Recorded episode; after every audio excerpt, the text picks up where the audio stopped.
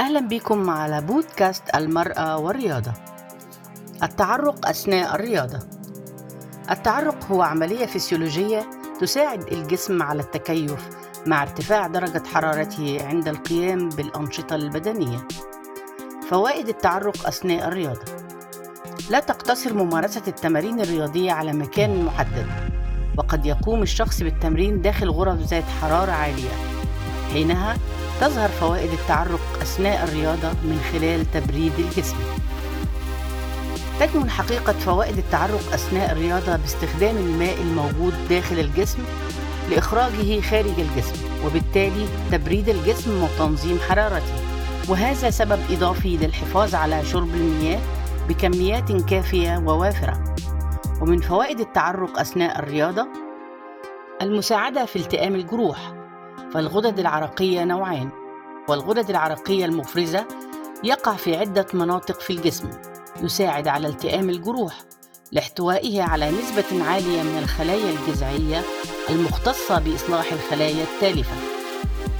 التخلص من السموم يساعد التعرق على تنقية الجسم من السموم والتخلص من الأملاح الزائدة عن حاجته والتي تضر بصحة الكلى وتتسبب في احتباس السوائل بالجسم وتؤدي إلى ارتفاع ضغط الدم. فقدان الوزن. يمكن للتعرق بشكل غير مباشر المساعدة في فقدان الوزن حيث أنه عند قيامك بالرياضة والتي تسبب التعرق يقوم الجسم باستخدام الطاقة وحرق المزيد من السعرات الحرارية. أما عن العلاقة الطردية بين نسبة التعرق وفقدان الوزن فهي خطأ كبير حيث أن مخرجات العرق هي مجرد سوائل. يمكن بسهولة استعادتها.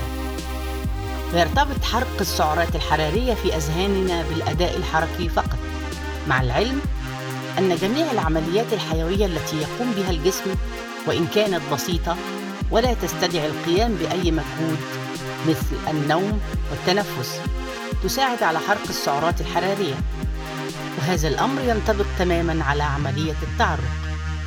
لتعلمي عزيزتي المرأة أن العرق بدون نظام غذائي منخفض السعرات لن يكون له أي دور في عملية فقدان الوزن لأن السوائل التي يفقدها الجسم عند ممارسة الرياضة من السهل تعويضها بشرب كوب من الماء.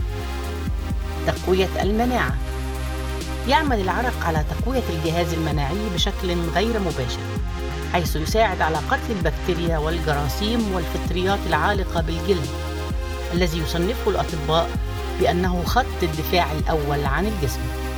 تعزيز صحة البشرة. يساعد العرق على تنظيف مسام البشرة من الشوائب الموجودة بداخلها والناتجة عن كثرة استخدام مستحضرات التجميل.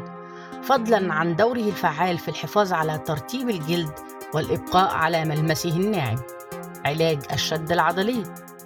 يشارك التعرق في عملية استشفاء العضلات بعد التمرين. حيث يساعد على تحسين تدفق الدم إلى العضلات الهيكلية وتعزيز إنتاج هرمون النمو مما يساهم في التخلص من الشد والإجهاد العضلي تحسين المزاج فللتعرق تأثيرات إيجابية على الحالة المزاجية للإنسان يحفز الجسم على إفراز هرمون السعادة الإندروفين بالإضافة إلى دوره في خفض مستويات هرمون الإجهاد الكورتيزول. هل التعرق أثناء الرياضة يعني القيام بتمارين جيدة؟ اعلمي عزيزتي بالإضافة لفوائد التعرق أثناء الرياضة لا تنسي أن أي تمارين رياضية تقومي بها هي مفيدة لصحتك الجسدية والنفسية يمكن أن يؤثر نوع التمرين على كمية التعرق الناتجة خلال ممارسة المشي في الأجواء الحارة أكثر من ممارسة تمارين المقاومة داخل الصالة الرياضية المكيفة وهذا يؤكد أن العرق قد لا يكون مؤشر دقيق لأنك قمت بالتمارين الرياضية بجدية على أكمل وجه ونذكر هنا سواء كنت تتعرقي أم لا خلال التمارين الرياضية فيجب المحافظة على رطوبة الجسم من خلال تناول الكميات الكافية من الماء قبل التمرين وبعده. أسباب اختلاف كمية التعرق بين الأشخاص عزيزتي المرأة في الحقيقة هناك عدة أسباب قد تصنع الاختلاف في التعرق أثناء ممارسة الرياضة من شخص لآخر مثل الجنس حيث تصاب النساء بالتعرق بشكل أقل من الرجال. العمر فيتعرض الكبار في السن للتعرق بشكل أقل ممن هم أصغر سنا. الجينات وجد أن الجينات لها دور في نسبة التعرق.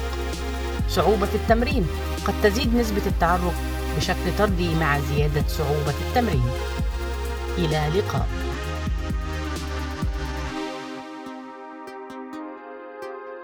مع دكتور نورهان سليمان. موسيقى وإخراج إيكي أدهم.